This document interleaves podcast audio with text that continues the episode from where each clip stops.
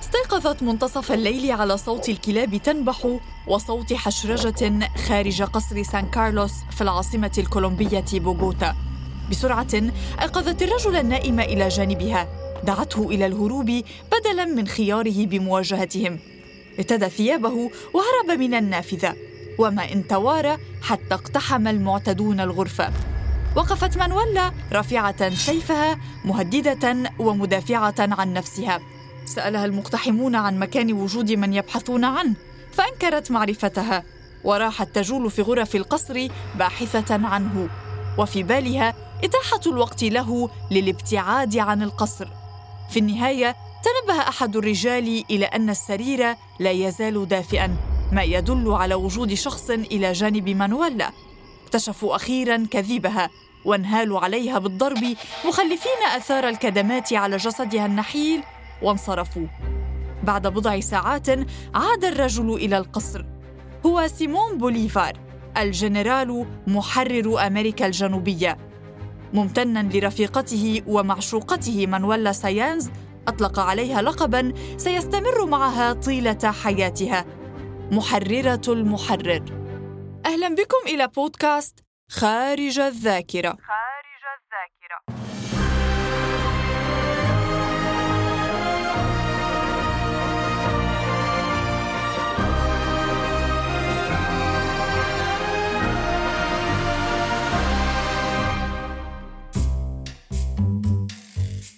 السابع من كانون الأول عام 1797 العاصمة الإكوادورية كيتو الخاضعة للحكم الإسباني.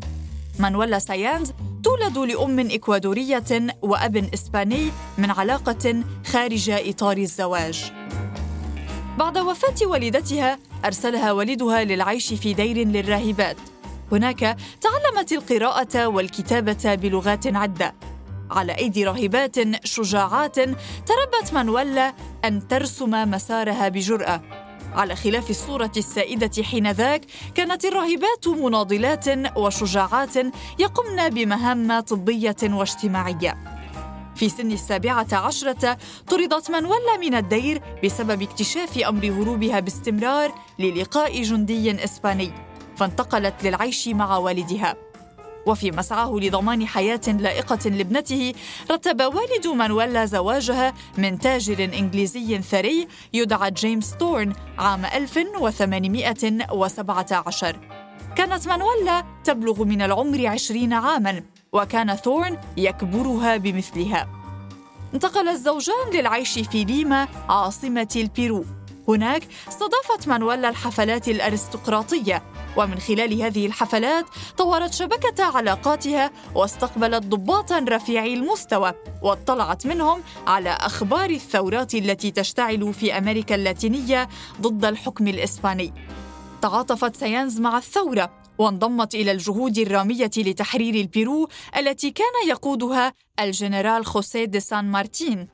انتسبت لاستقطاب الرجال إلى قوات سان مارتين وكانت مناصرة لحكومته التي أنشأها عام 1821 وفي العام التالي قررت مانويلا الابتعاد عن زوجها وعن الرفاه الذي تعيشه والانتقال إلى كيتو للمشاركة في معركة بيتشينتشا. حيث قامت بأعمال قتالية إلى جانب تزويدها المعونات والخدمات التمريضية للثوار الذين انتصروا في المعركة ورقيت سيانز من جراء ذلك إلى رتبة ملازم في جيش الثورة.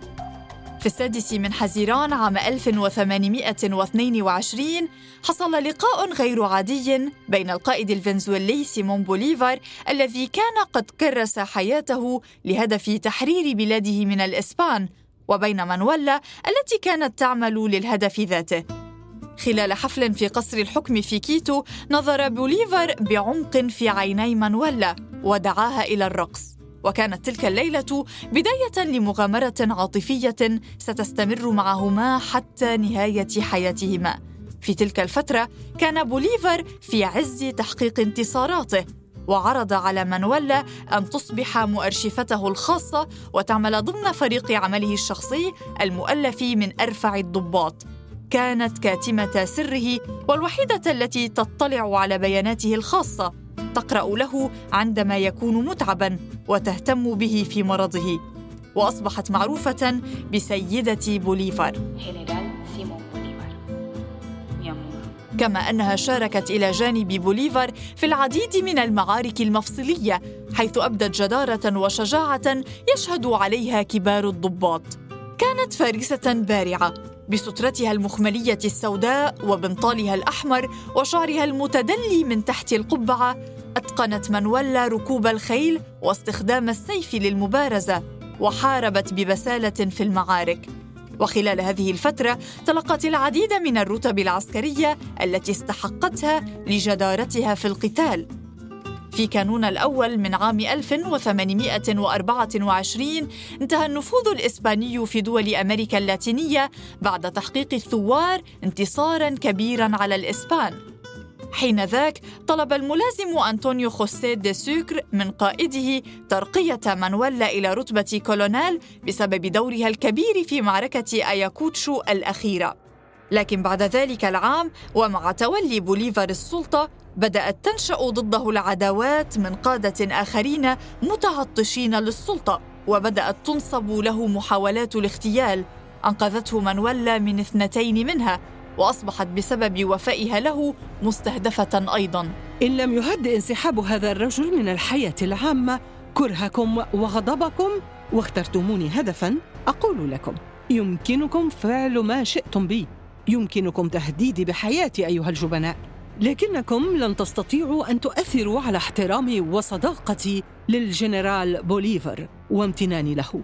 من يظن منكم أن هذا الأمر جريمة فهو يعكس تفاهة عقله. بينما أنا أعكس ثبات روحي بأنكم لن تستطيعوا أن تزعزعوا قناعتي وتخيفوني. أواخر العشرينيات من القرن التاسع عشر ووسط تخبط سياسي كبير خلال حكم بوليفر بدأ حلمه بالوحدة يتبدد وتجزأت أمريكا الجنوبية إلى فنزويلا وكولومبيا والإكوادور والبيرو وبوليفيا. أوشك حلم بوليفار على أن ينتهي. كذلك كان مرض السل قد فتك بجسده فأرهقه.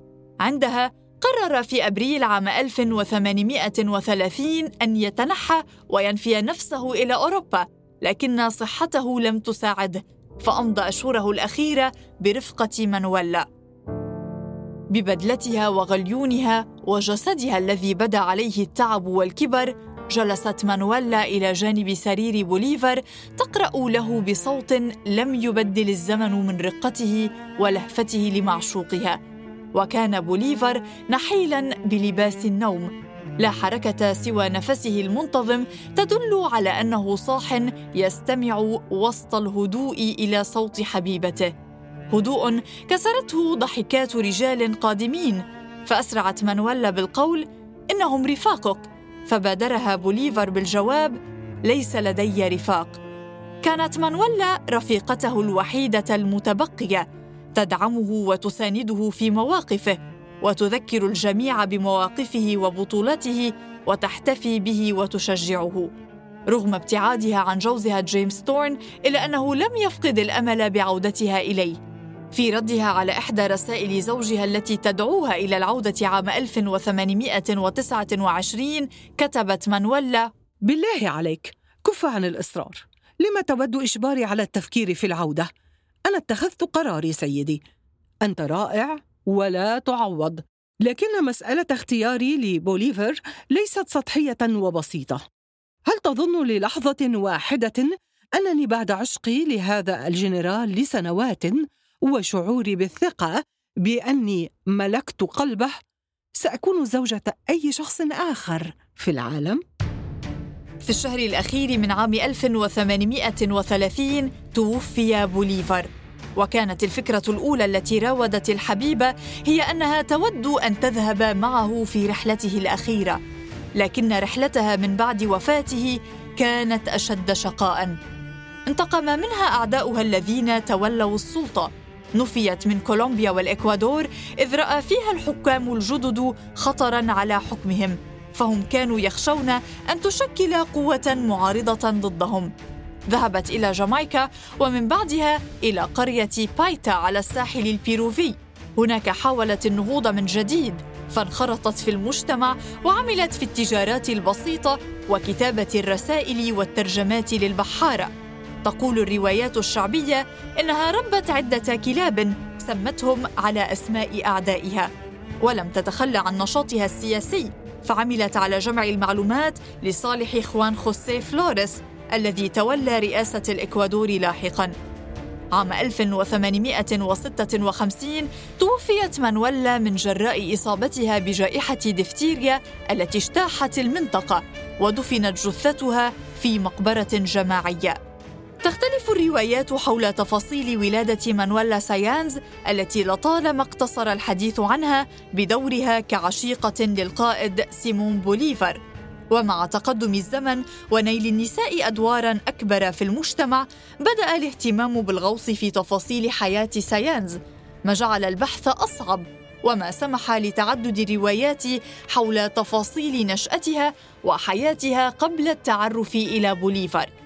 لذلك استند البحث في هذه الحلقة إلى أبحاث مؤرخين وباحثين في جامعات عريقة قاموا بالبحث في تاريخ مانويلا ووضع الكتب والروايات حولها. ورغم الاختلاف في سرد بعض التفاصيل فإن كل الروايات تجمع على شجاعة هذه السيدة ووفائها لقضية تحرير أمريكا اللاتينية من الاحتلال الإسباني وإخلاصها للمحرر بوليفر واستشراسها في الدفاع عنه. كما أنها لم تسمح للمجتمع أن يرسم شكل حاجاتها الذي حددته بنفسها وهي تعد ملهمة نسوية للكثيرات من هذه الناحية.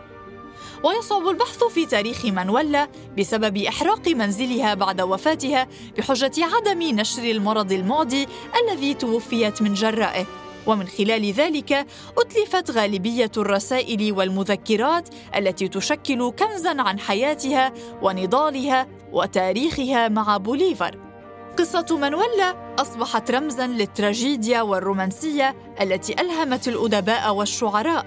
تم إنتاج وكتابة أول أوبرا إكوادورية افتتحت في كيتو عام 2006 تحت اسم مانويلا وبوليفر. وفي العام التالي كرمها الرئيس الإكوادوري رافائيل كوريا ورقاها إلى رتبة جنرال فخري للجمهورية الإكوادورية. في مدينتها كيتو تحضر مانويلا بقوة من خلال أسماء المدارس والشوارع وتدرس قصتها في المناهج الدراسية كما خصص متحف باسمها. عام 2010 تم نبش رفاتها ودفنها في مراسم رسمية إلى جانب رفات بوليفر في العاصمة الفنزويلية كاراكاس. وهناك تحقق مرادها حيث ستبقى ذكراها إلى جانب حبيبها يذكران معا كلما زار زائر قبر أحدهما. بودكاست خارج الذاكرة. إعداد وتقديم سارة خازم.